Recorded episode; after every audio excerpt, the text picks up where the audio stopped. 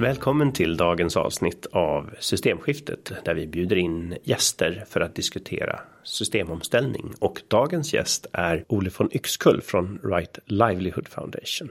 Det är väldigt kul att ha dig här. Hjärtligt välkommen. Tack. Och vad är det då undrar kanske en del. Eh, men det får du berätta om nu.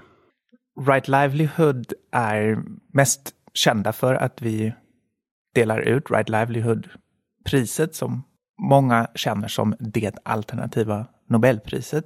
Vi, har, eh, vi är en svensk stiftelse, vi har kontor här i Stockholm, vi har också kontor i Genève där vi har rådgivande status i FN. Och priset är det viktigaste vi gör, men vi jobbar också med att stötta de pristagare som nu efter 40 år av det här arbetet har blivit ett fantastiskt internationellt nätverk. Och vi arbetar en del med utbildningssatsningar också och samarbetar med många universitet.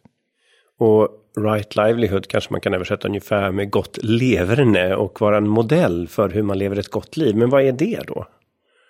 Det, är, det finns ju i, i varje liksom, filosofiskt system i, i världen och i historien finns det olika beskrivningar för vad det goda livet är. Just begreppet right livelihood kommer från buddhismen, men vi är inte en, en religiöst driven organisation. Det vi är intresserade av och som just det här buddhistiska, den här buddhistiska förståelsen av right livelihood också förmedlar är att det goda livet handlar om hur vi använder vår tid på jorden aktivt för att förbättra för oss och, och för samhället.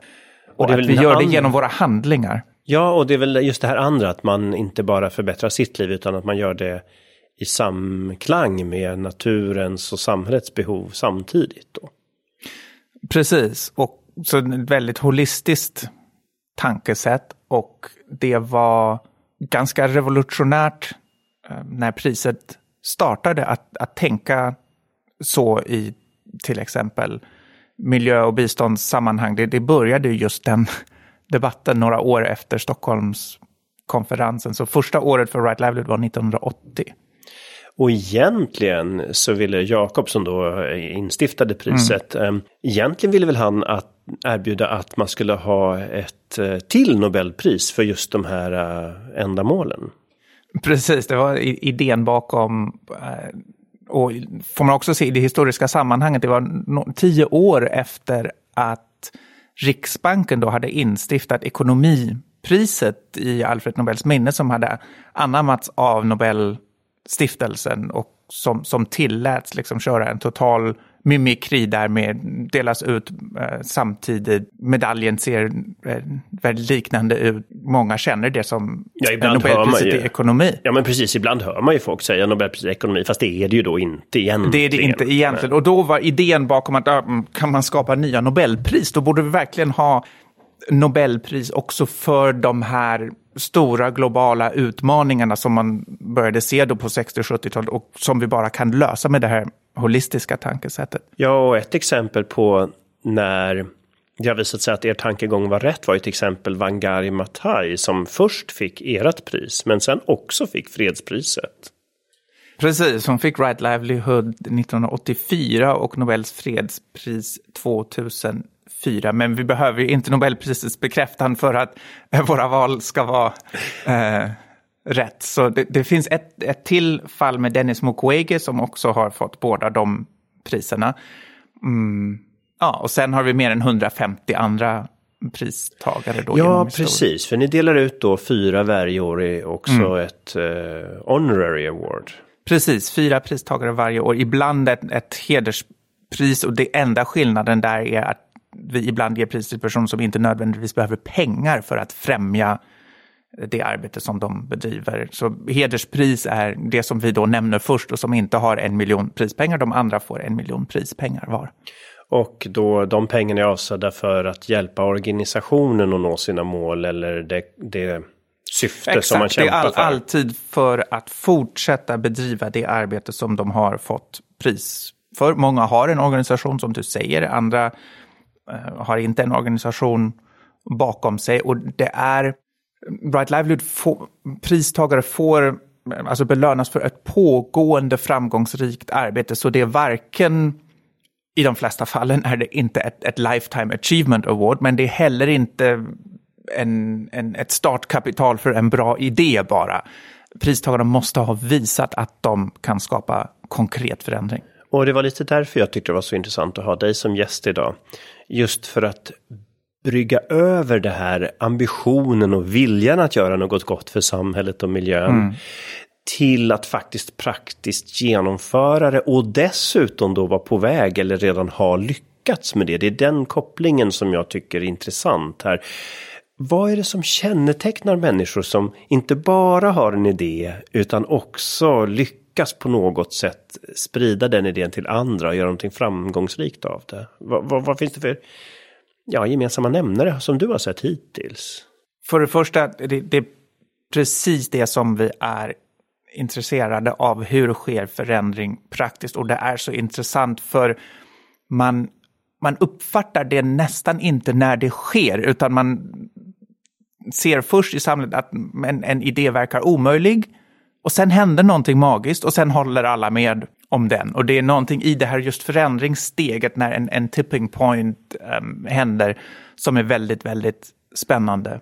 Som, som vi tänker kring det är att vi letar efter dem när vi har vårt jurymöte och, och, och tittar på de nya nomineringarna. Vi letar efter dem som, vi kallar dem för praktiska visionärer, alltså som både har liksom en gedigen teori och en föreställning om hur samhället och vårt system skulle kunna vara helt annorlunda. Men som också har, liksom uppnår praktiska, konkreta framgångar på vägen dit. Och det är, det är en väldigt svår kombination. Det, det, är lättare att ha teorier om hur allting skulle vara annorlunda, eller det är lättare också att eh, ta liksom konkreta steg utan att egentligen utmana de systematiska förhållandena. Men just i gränssnittet mellan det visionära och det praktiska, där ser vi att, att förändring sker mest effektivt. Ja, det är ju intressant för du, om man tänker här ordspråket att ingenting är så kraftigt som en idé vars tid har kommit. Men här pratar vi om människor som faktiskt skapar rätt tid för idén på ett sätt också. Det är väl det att det är ju lätt att, att ha visioner om hur saker borde vara. Och det är många entreprenörer och andra som påbörjar ett arbete. Men att koppla det arbetet till en vision om en systemförändring. När man lyckas med det, då är, det blir ju väldigt hoppingivande också. Ja. När man, som du säger, man kanske inte från början ser förändringen utan plötsligt så upptäcker man att den har skett. Eh, om man, om man då tittar på pristagare som är bra exempel på det här. Är det några du vill nämna då som du tänker på nu? så här? Det är alltid svårt att nämna några, för alltså på vår hemsida hittar man 150, men tänk på Wangari Maathai som du redan nämnde, som började med att plantera träd i eh, Kenya och som eh, ja, folk skrattade åt det först. Och hon såg det från början, fastän det var en ganska oskuldsfull liksom, träplanteringsrörelse.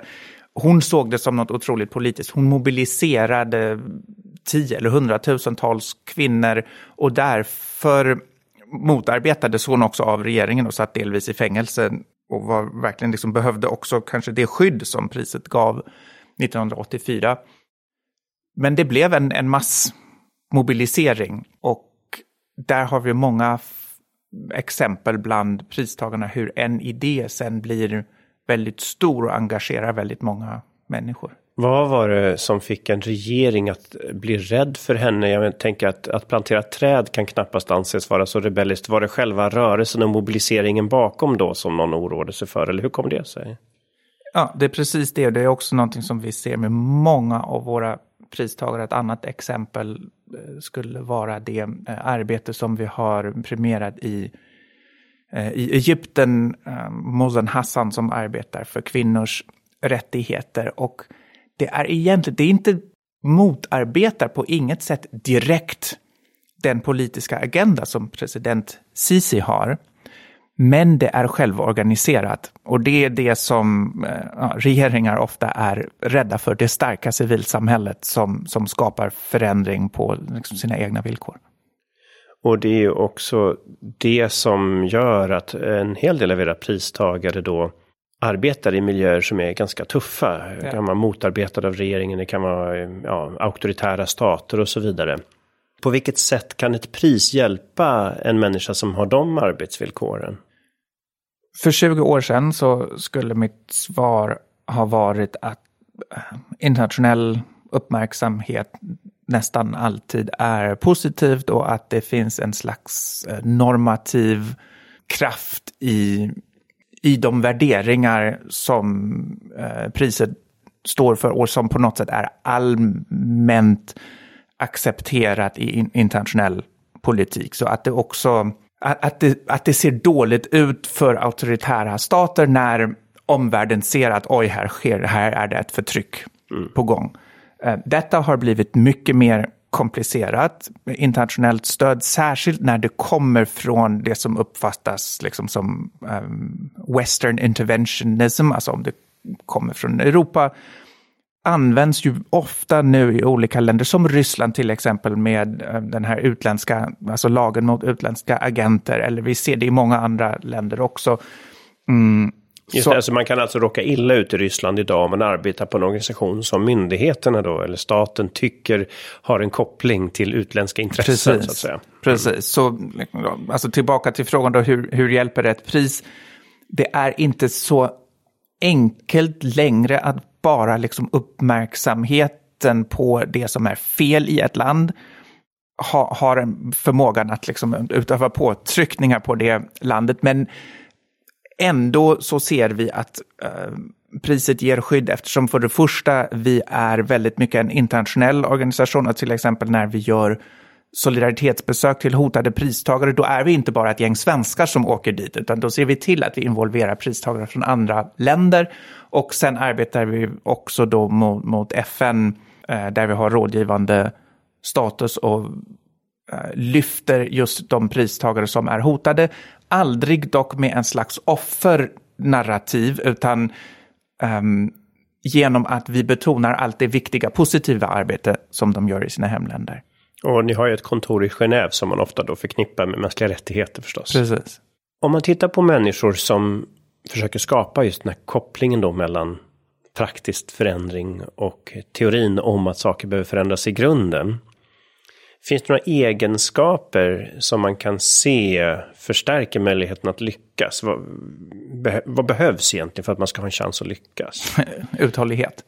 Ja, eller hur? Det, det, det, det tycker jag man ofta möter. Det, det viktigaste. Och äh, jag, jag äh, scrollade genom vår pristagarlista äh, igår på rightlivelihood.org kan man alltså hitta alla Right Livelihood-pristagare just inför vårt samtal idag också.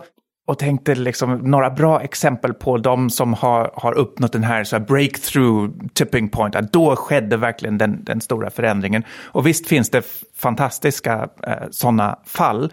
Men och, och, mycket liksom också av, av systemteorin och så om förändring. Mycket av det är också taget från liksom ekonomisk och marknadsforskning av att någon produkt som verkligen når en som breakthrough point. Det vi ser i politisk förändring är tyvärr alltid att det också motarbetas av eh, väldigt starka krafter. Så det är inte så lätt att bara utlösa en, en tipping point. Och ja, det som jag såg i de, de, som man ser i de allra flesta av våra pristagares fall är alltså en otrolig uthållighet även trots motgångar, att fortsätta och fortsätta och fortsätta skapa möjligheter, skapa förutsättningar. Det finns ju en del forskning på det här området och eh, det visar sig att ganska ofta så tappar folk stinget precis innan man får sitt genombrott. Mm, mm. Att precis när, när man börjar känna hopplösheten komma upp, det är exakt då man mm. måste fortsätta in i mål. Det, eh, känner du igen det bland era pristagare, att de har lyckats behålla gnistan i den här sluttampen och sen blev det ett genombrott? Absolut. Um, och, och, och, jag känner igen det även från alltså, nomineringar och liksom civilsamhället i, i stort. Att många har slutat just då eller förlorat energin just då och då. Och, och visst, och det jag tänkte det är jätteviktigt också att, att prata om öppet att det är otroligt tufft och att vi har en sån makt emot den här förändringen som vi vill se om du bara tittar på hur ekonomiska resurser är fördelade i världen. Um, så det, då, om man tänker så, då är det viktigaste motivera människor att fortsätta även när det känns riktigt motigt. Ni har ju fyra pristagare normalt sett och um, det är inte fyra kategorier utan Nej. det är fyra varianter på ja. ert grundtema då. Ja. Det är just det här holistiska tänket att de som tar sig an konkreta samhällsproblem, de eh, gör det ofta inte bara inom en vetenskaplig kategori så att säga, utan det är väldigt många olika eh, områden som man måste vara bra på för att lösa praktiska problem. Och just därför har vi inte fyra sakkategorier. Jag har ju träffat några av era pristagare, bland annat eh, Maud Bardow som mm. fick ett eh, pris av er. Och eh, det, det, det, som jag tycker är intressant är att det finns en pristagare som har jobbat inom ekonomi, som har jobbat praktiskt med träplantering, som har jobbat med tillgång till rättshjälp mm. för kvinnors rättigheter, för rättigheter för ursprungsbefolkningar. Det, det är en sån enorm bredd. Om man tittar på systemförändring så har vi ett system som då inte lyckas lösa mänskliga problem eller naturens. Och så kan man angripa det från olika håll. Ja. Och när ni väljer ut pris då, hur, hur ser man hur kan, ja men om man jobbar för en liten del, hur, hur, kopplar ni det till systemförändringen? Man kanske jobbar för en mindre problemdel. Men är det just att man ser sammanhanget då med det stora systemet i det man gör? Är det det som kännetecknar pristagare? Exakt, jag skulle återigen liksom använda den här bilden av praktiska visionärer. Alltså att det finns en vision bakom om hur, hur the rules of the game could, should be and could be very different. Och hur man tar praktiska steg och har framgång med praktiska steg som leder dit. Och där är ju Maud Barrow, som du nämnde, ett fantastiskt exempel som eh, alltså har både främjat förståelsen för den globala vattenkrisen. Men också skapat, alltså till och med varit med och, och skapat de rättsnormer som skyddar vattentillgångar bättre nu genom när hon var rådgivare i generalförsamlingen och de fick igenom human right to water, alltså mänskliga rätten för, för vattenförsörjning. Hon jobbade på ett mång, mångfacetterat sätt med det som behövdes för att främja den här agendan. Eh, både politiskt och vetenskapligt och um, genom informationsspridning. Ja, det är just det. När jag först träffade henne så var jag själv politiker då. Mm. Och vi diskuterade handelsavtal. Och det är väl det som jag tycker är viktigt här, att man inte bara kämpa för att få ett mindre dåligt handelsavtal eller i bästa fall kanske till och med någon gång enstaka gång ett bra handelsavtal. Utan man ser att det här handelsavtalet främjar en ekonomisk politik som bygger på en marknadisering av alla tillgångar och att man det bygger på ständig tillväxt och det i grunden är ohållbart. Men så länge vi vet om att även om vi löser vattenfrågan i det här avtalet så vet vi att avtalet ja. i sig inte löser ja. problemen. Ja. Det är där kanske grann som kännetecknar att man vet vad man håller på med, man vet att det man gör är begränsat, man kanske räddar just den ursprungsbefolkningens uh, rättigheter eller man kanske stoppar just det där handelsavtalet, men man ser att det är inte liksom slutmålet. Precis, och där är det ett bra exempel, för där är det jätteviktigt också att man verkligen går till grunden i sin kritik och också att, att aktivister um, är helt emot någonting som till exempel, som du nämner, handelsavtal som verkligen skapar helt andra och negativa villkor. Och då får man ju ofta som civilsamhälle då kritiken av det, är bara, det kommer bara kritik, det är bara negativt, ni säger bara vad man inte ska göra. Och det ska man inte vilseledas av, utan det är jätteviktigt när ehm, ekonomiska krafter, till exempel i det här exemplet, försöker pusha igenom någonting som skulle ändra villkoren från, fr från botten. Att man också opponerar sig helt och att man har en annan idé eh, på hur de grundläggande villkoren skulle kunna vara positiva. Men att man inte lindas in i en ja, men, varsågod, här, här är handelsavtalet, liksom, ni får vara med och ändra någon paragraf där. Det är ju det ofta politik går ut på. Och eh, sällan hör man ju numer. I början av 1900-talet har man ju stora visioner om allmän rösträtt ja. och att man skulle få tid att leva, inte bara arbeta och så vidare. Fann, då, då, fanns ju stora, stora visioner, visioner om världsfolkens ja. fred och så. Idag handlar det väldigt mycket mer om att om du röstar på mig så får du några hundra kronor till i plånboken. Eh, så om man tittar på era pristagare då så har de bibehållit de här stora visionerna. Vad finns det för kraft i stora visioner? Hur, hur kan man eh, motiveras att syssla med en begränsad lösning av den stora visionen och behålla tron på att den stora visionen är genomförbar? Kraften i, i de stora visionerna är ju att um, framtiden är helt öppen. Framtiden börjar nu. Ingen har, visserligen så växer framtiden ut från, från eh, nuet. Men det är det vi har möjligheten att skapa och förändra framtiden. Det är just begreppet praktiska visioner, eller Bloch skulle kalla det för konkret utopi.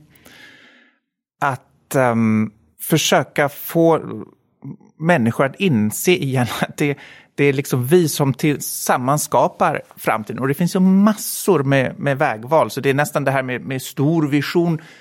Det är kanske att överdramatisera till och med en process som sker varje dag hela tiden med att vi som samhällen tillsammans skapar vår framtid. Och det är det, dem det demokratiska löftet i alla länder som kallar sig för demokratier är att vi gör det tillsammans. Och det gör man genom så mycket mer än att bara rösta vart fjärde år. Och det är också någonting som, som man kan lära sig av Right Livelihood-pristagare, hur otroligt många möjligheter vi har som medborgare att vara med och skapa framtiden. Men det är ju då ett bra exempel på vilka möjligheter har folk utnyttjat eh, bland era pristagare?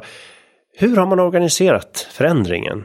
Vad finns det för olika exempel där du skulle lyfta? Mm. Det finns så många olika exempel. De är olika för olika sakfrågor. De är olika i olika länder såklart. Och vi har även vi har massor med praktiska exempel bland pristagarna. Vi har även bland våra pristagare kanske den viktigaste teoretikern, Gene Sharp, som skriver Albert om... Einstein Institute. Eh, Albert Einstein ja. Institution, precis. Som skrivit eh, bland annat From Dictatorship to Democracy, som är en av de viktigaste eh, forskarna historiskt sett om hur man skapar förändring på, på ett fredligt sätt i samhällen. Så om man kollar upp hans namn, Gene Sharp, på nätet så hittar man till exempel hans 198 metoder för att skapa förändring. Eh, och där har man allting från eh, protester, som eh, demonstrationer till exempel, till all möjlig, alla möjliga olika former av non-cooperation, alltså att inte samarbeta med en regering, eller också, jag skulle se, vilja se mycket mer non-cooperation med företag, mm.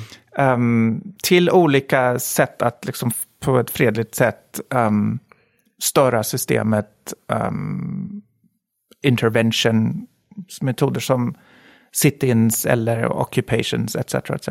Och kännetecknande för alla de här metoderna som Gene Sharp tar upp är ju också att de är eh, icke-våldsmetoder. Ja, och, och, är till och med mer effektiva än våldsamma ja, metoder. Ja, faktiskt dubbelt så effektiva historiskt att skapa förändring som eh, metoder som bygger på mm. våldskapital. Mm. Det är ju kanske någonting man talar för sällan om när man pratar om internationella konflikter. Att just icke-våldsmetoder är alltså en dubbelt så effektiv metod att förändra samhället som att hota eller tillämpa våld. Faktiskt, och de, de pratar till och med om, de pratar om waging conflict in a non-violent way. Så, och det är också, alltså demokrati handlar om, om konflikt också. Och, det är en, och konfliktlösning förstås.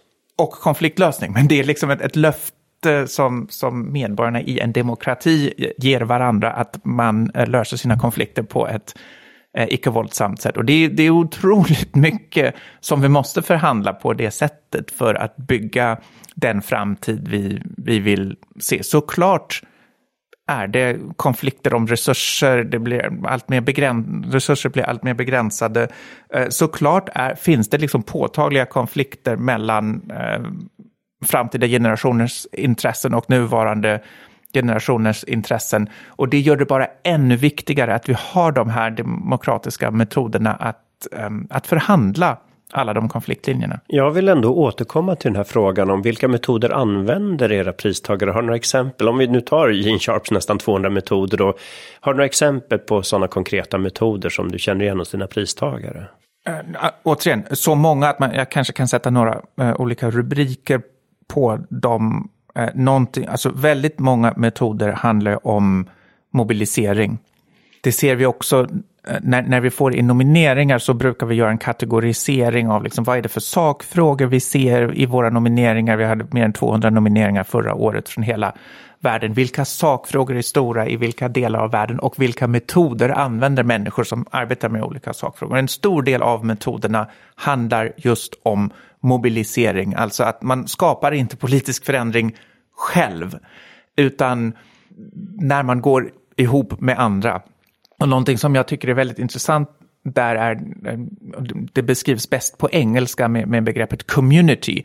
Alltså att organisera en, en community och det kan både vara eh, lokalt definierat, Eh, människor som eh, bor nära varandra och som organiserar sig för någonting som är viktigt för dem. Men det finns ju också tack vare liksom, digital kommunikation mer och mer communities som är alltså människor i olika delar av världen som delar ett intresse i en viss påverkansfråga eller en viss sakfråga.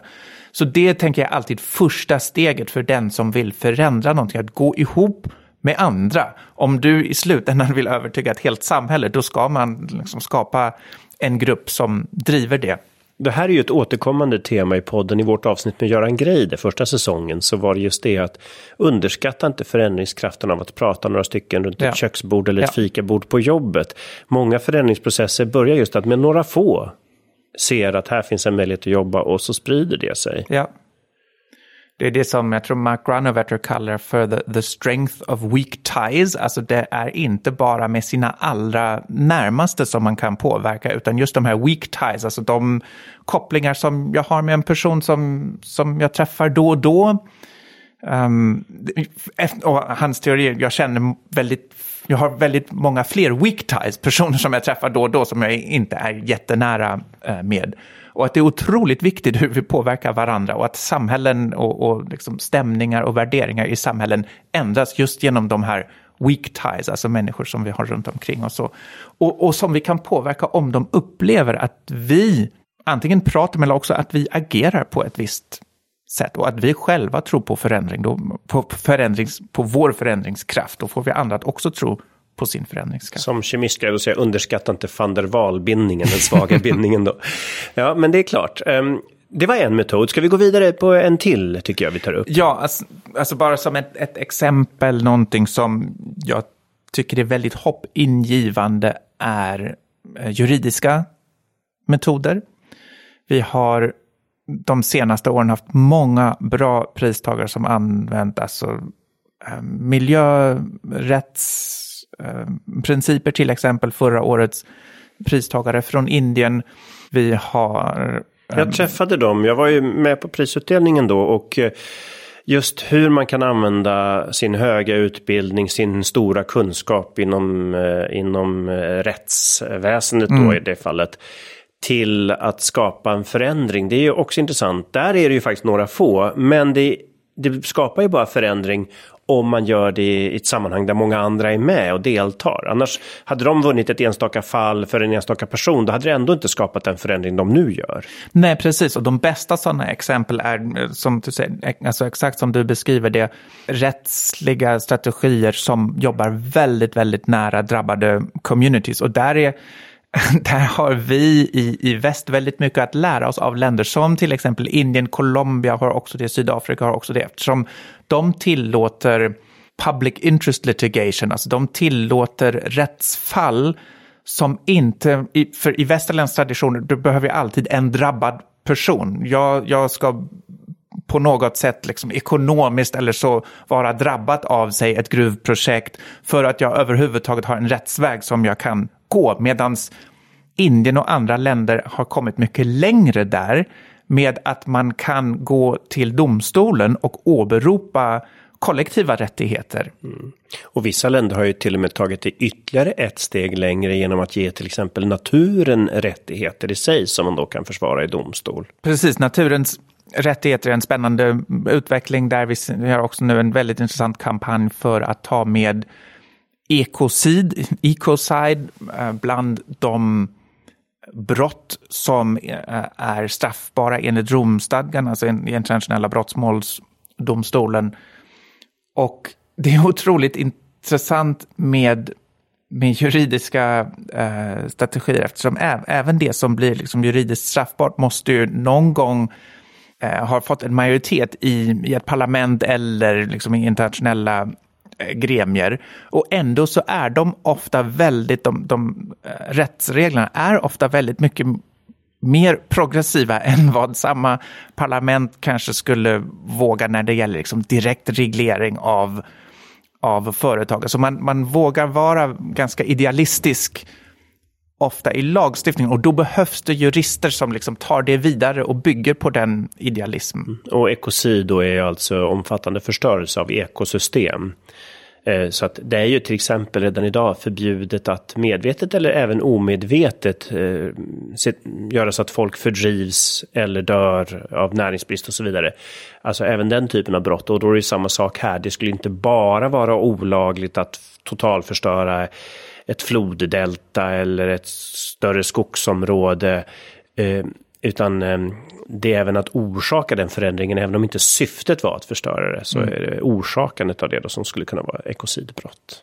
Vi kommer faktiskt ha ett avsnitt om podden, eh, kanske denna säsong, eh, om just detta faktiskt, ekocid och, och, naturens rättigheter. Ja, då, så då har vi mobilisering, skapa community building, eh, ta saker till domstol, och organisera det på ett sätt då som skapar förändring och debatt och engagemang. Eh, vad finns det fler för taktiker att skapa förändring som du känner igen hos dina pristagare? Ta kultur som ett exempel. Jag tror vi, vi har en tendens att underskatta kulturens betydelse eh, för samhällsförändring. Ett exempel från, från vårt pristagarnätverk som jag skulle nämna där är internationella poesifestivalen i Medellin. Som är ett konstprojekt först och främst, men som började med poesiläsningar i gatorna och på torgen och i skolor och fängelser i Medellin i Colombia under den tid när Medellin var kanske den mest våldsamma staden i hela världen med ett pågående inbördeskrig, med hela knarkmaffian, med utgångsförbud på kvällar, med en liksom helt terroriserad befolkning. Och då var det just en, en grupp poeter som var tillräckligt galna för att bjuda in människor att komma ut på gatorna och lyssna på poesi.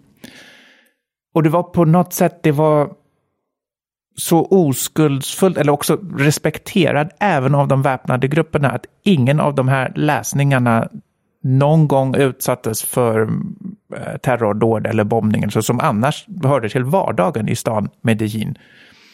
Och det har vuxit sig till en av de viktigaste poesifestivalerna i, i världen och nu är ju Medellin mycket, mycket säkrare.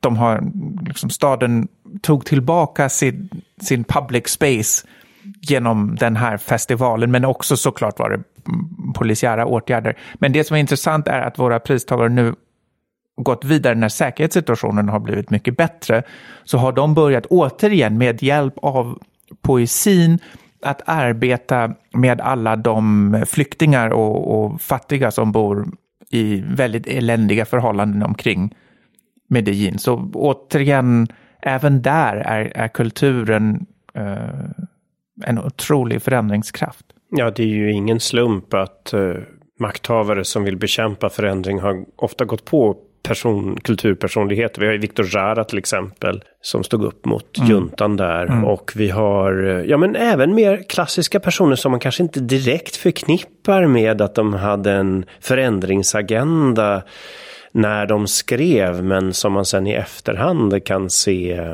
ja, men mer klassiker som Victor Hugo och så vidare. Och till och med Mozarts, alla hans operor var ju ofta om man levde på den tiden så förstod man vem i operan som han kritiserade. så att säga. Det, det, det, kulturen har ofta använts som ett kodspråk för att komma undan förtrycket men som har spritt medvetenhet och förändring hos folk. Absolut, och, och även där har tyvärr, um, det har ju blivit både liksom tekniskt lättare att kontrollera och eh, makthavare i auktoritära länder har blivit allt mer känsliga.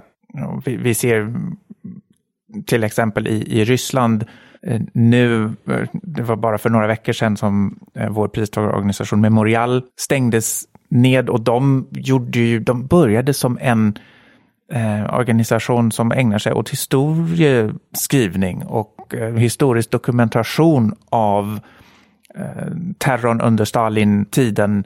Och även det är nu, den historiska forskningen är nu inte möjlig längre i Ryssland eftersom det anses då skada den image av nya, um, nya mäktiga Ryssland som Putin håller på att bygga upp. Så även sådana, i det här fallet vetenskapliga, kulturella in, eh, uttryck blir inskränkta, vilket visar på deras effektivitet. Vi har ju sett faktiskt liknande även i Polen där den högerkonservativa regeringen har ja, stoppat eller försökt förvränga historien om kollaboratörerna med naziregimen ja. i, eh, i Polen också. Eh, vi som bor ändå i hyfsat fungerande demokratier. Vilka möjligheter har vi då? För man kan ju känna sig ibland motarbetad här, men det är ju aldrig frågan om egentligt våld, utan mm. det är mm. andra metoder att stoppa förändring som makthavare i västerländska demokratier använder. Vad finns det för tricks som är särskilt väl lämpade för oss att skapa förändring som ändå lever i demokrati och har mycket stora friheter? Ja, vi har ju massor med möjligheter. Som jag sa, demokratiska rättigheter är ju så mycket mer än att eh, gå och rösta fram partier vart eh, fjärde år. Vi har möjligheten att delta i samhällsdebatten. Vi har möjlighet att organisera oss. Vi har möjlighet att välja vilka samhällskrafter, vilka aktörer vi vill samarbeta med och vilka vi inte vill samarbeta med. Och i, i eh, länder som Sverige är det viktigaste att vi inser och att vi aktivt använder alla de möjligheter vi har. Det pratas mycket om, och, och, som vi sa tidigare, vi upplever det med, i många länder, att det politiska handlingsutrymmet krymper allt mer och då är det viktiga att man arbetar för att, att liksom försöka vidga. Men jag ser också problemet i länder där det politiska handlingsutrymmet än så länge i alla fall är väldigt stort, som i Sverige. Det känns som, som en, en stor fotbollsplan, men det är bara fyra eller fem personer som står på den och liksom ropar till varandra på, på, på håll. Ehm, vi behöver ju använda av oss av den spelplan vi har och använda den mycket, mycket mer aktivt. Och där har vi någonting att lära oss och bli inspirerade av de människor som försvarar spelplan i andra länder som är mycket mindre. Ja, man kanske ser värdet av spelplanen mer när man märker att en del andra inte ens har den. Jo, såklart, men den, risken är om man är för få som använder den eller om man an, inte använder den tillräckligt aktivt, kreativt, så, så krymper den ju också, eller blir liksom mindre mindre spännande, mindre accepterad. Ja, och ska jag fortsätta på din metafor så känner jag en oro då man kallar för åskådardemokrati, att man bara röstar vart mm. fjärde år och inte aktivt deltar. Ja. Men ännu värre är väl kanske också att en del av åskådarna sitter och tittar på sina telefoner och håller på med någon rolig video istället för att engagera sig i vad som händer och vad som förändras. Alltså att ännu mer är att politiska partier tappar tappar sina medlemmar. Mm. Mm. Och egentligen då, en sak som du sa i början av det här samtalet var just vikten av självorganisering. Ja. Och vikten av att förstå att man ska inte sitta och vänta på att politiker fattar beslut ja. åt dig, ja. utan att förändringen kan börja direkt. Alltså, jag, jag, skulle kanske inte beskriva det just med, med liksom val av medium som du gjorde, om det är nu telefon, man kan ju mm. mobilisera på telefonen också, men för mig går linjen mellan, mellan det, det politiska, liksom det samhällsorienterade och det kommersiella. Det kommersialiserade. Och det har, alltså, hur många gånger har man suttit på, på Kulturhuset med någon, något, um, event som vi anordnat med någon pristagare och man har haft 30-40 personer där och man tittar ut genom glasväggen och det väller liksom tusentals människor på, på shoppingrunda och att att det tar ju otroligt mycket tid och uppmärksamhet och resurser i våra liv. Och det är så viktigt att skapa um, fler, eller att bara, vi behöver inte ens skapa dem, vi har dem, men att, att använda fler icke-kommersiella um, spaces här ser vi ju hur den icke-kommersiella delen av gatu och offentliga rummet också minskar. Allt mm. mer blir inspärrade, instängda, in grejer där man för att sitta ner måste man köpa en kaffe, för att gå på toaletten måste man gå på restaurang. Alltså det, de här offentliga utrymmena försvinner som är tillgängliga mm. för alla. Mm. Men här är ju ni, tycker jag, ett exempel på en motkraft. Just i flera avsnitt av den här podden har jag kritiserat marknadsekonomins logik att allt bygger på transaktioner där vilja kan bara uttryckas om man har pengar annars så ja. har man ingen ja. röst på den här marknaden. Och ni har ju uttryckligen det här relationsbyggandet, ja. att man eh, har en långsiktig kontakt med eh, era pristagare och de här mötena som då bygger på relationer, det är det som ofta ger oss mening på lite längre sikt. Hur, hur, kan man eh, förstärka det här relationsbyggandet? Viljan att det ska bli roligare att sitta och lyssna på ett seminarium eller ert möte än att gå och shoppa. För, för vi är ju ganska indoktrinerade till just att eh, ja, arbeta och konsumera och visa vad man har lyckats mm. uppnå med hjälp av det.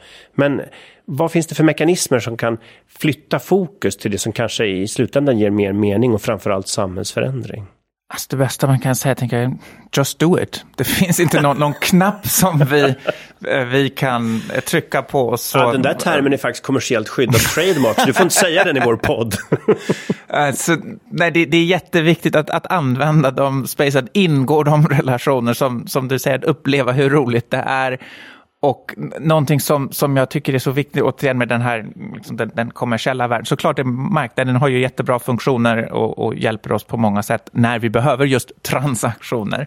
Men man ska hela tiden vara medveten om att marknaden är, och, och det ekonomiska livet är en spelplan där vi är helt olika, där vi har helt olika förutsättningar. Den rikaste 1% i världen har dubbelt så mycket tillgångar som de fattigare 90 procent. Så då väljer vi ju att uppehålla oss på en spelplan som, som är otro, med en otroligt orättvis fördelning. Medan på den politiska spelplanen och relationsbygget och eh, liksom civilsamhällsengagemang och politiskt engagemang, det är en spelplan där vi alla är lika och har samma rättigheter och därför är det så viktigt att använda den.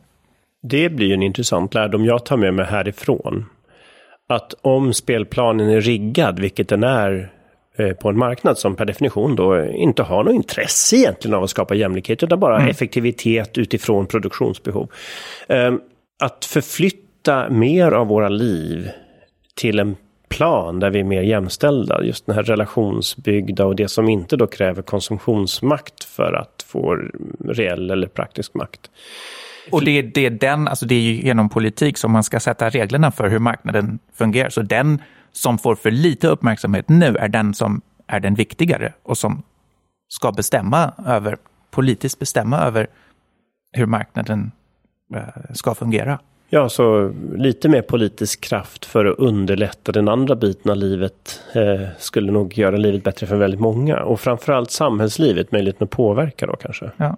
Nu är det ju dags snart för er att ta in nomineringar igen då.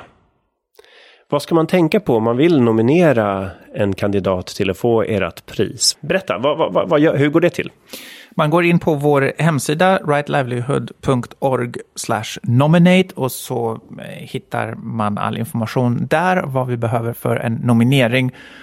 Och grundtanken, alltså en spännande Right Livelihood-nominering är just en person eller organisation som både står för en vision för eh, hur systemet skulle kunna vara annorlunda och som har tagit praktiska, konkreta, framgångsrika steg åt det hållet. Ja, det var väldigt kul att ha dig här idag tycker jag. För att när jag håller på med systemförändringsarbete för Greenpeace så ser jag att eh, man behöver ibland exempel att visa mm. på. För att få människor att våga satsa tid och kraft, att man ska känna att det är värt det. Och det är ju det ni har ägnat decennier åt att göra, att mm. visa på de goda exemplen. Och det finns ju inget som är så effektivt som visar att någonting redan har funkat för någon. Precis.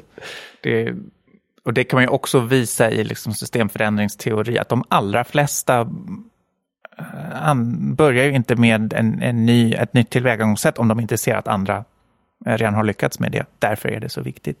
Och det är väl just det då som de här äh, relationsbaserade kunskapsutbytet bygger på. För då kan du sprida det här från en plats till en annan. Det som jag tänker på är att era pristagare kommer ju från ja, säkert 70-80 länder mm -hmm. sammanlagt. Och, mm -hmm. och just att det finns så många goda saker som inte sprids. Så eh, jag ser ju prisutdelning en bra sätt med det är just att sprida kunskapen om lösningar som finns tillgängliga för oss men som vi inte använder också. Det är både att, att de behöver spridas mer. Vi ser också att de behöver studeras mycket mer. Det är därför vi arbetar med universitet i hela världen. Men det är kanske en diskussion för, för ett annat avsnitt. Ja men ändå, eh, Gene Sharp som du gav som exempel förut, gjorde ju just det. Tittade på en seriös genomgång av alla icke-våldsmetoder för förändring och analyserade ur vetenskapligt perspektiv. Så det är klart att det hänger ihop. Om man, om man förstår varför någonting lyckades på en plats kanske det är lättare att få det att fungera på andra Absolut. platser. Absolut, och det gör vi alldeles för lite inom eh, civilsamhället också. Att, att man lär sig av både de framgångar och de motgångar som man haft. Och eh, jag hade en diskussion just igår eh, med en eh, person som också är djupt involverad med IPCC och som sa att alltså, vi, vi, har gått, vi har förstått så mycket liksom i, om klimatproblemet när det gäller den fysikaliska biten och vi har också förstått liksom om tekniska lösningar. Men det finns så otroligt lite, det borde finnas en IPCC för social vetenskaplig forskning om hur människor Eh, lyckas ställa om, hur eh, städer lyckas ställa om, hur människor mobiliserar framgångsrikt för att ställa om. Vi dokumenterar och vi forskar inte om eh, de, de metoder som faktiskt leder till förändring och det försöker vi också både inspirera men också genom samarbeten med faktiskt nu universitetssamarbeten i alla världsdelar att främja det. Jag har också faktiskt tittat på misslyckanden som du nämnde. Såklart, en väldigt vanlig metod att tro att man kan ha en technofix på alla miljöproblem Visst. och tillvä grön tillväxt. Och studerar man då globala data så är det är 50 år av totalt misslyckande med den ja. lösningen. Då hade man kanske börjat se att ja, vi, vi bör nog titta på en annan lösning. Så att titta på även misslyckade lösningar ger ju vägledning om vad som kan vara bättre. Verkligen. Men låt oss hoppas nu att er process för nästa kandidater blir lyckad istället och att vi får ytterligare inspiration eh, av de människorna till hur vi kan förändra saker åt rätt sätt. Så att, eh, stort tack för att du ville vara här med oss idag. Stort tack och jag ska bara tillägga där 2 mars är deadline så rightlivelihood.org slash nominate. Där tar vi emot nomineringar fram till 2 mars. Ja, då fick vi ett litet reklamavbrott, men det är okej. Det var i alla fall icke kommersiellt. tack så mycket. Ja, stort tack. I nästa veckas avsnitt möter vi Jonna Bornemark som är filosof och har analyserat New Public Management och hur vi förhåller oss till det omätbara. Tack för att ni lyssnade på dagens program som gjordes av Greenpeace där producent är Alexia Fredén Ljudtekniker är Christian Åslund och värd är jag, Carl Schlyter.